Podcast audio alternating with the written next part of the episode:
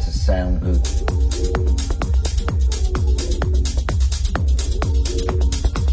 Don't want lighters in the air. We, you know, we want a crowd that's just absolutely pumping.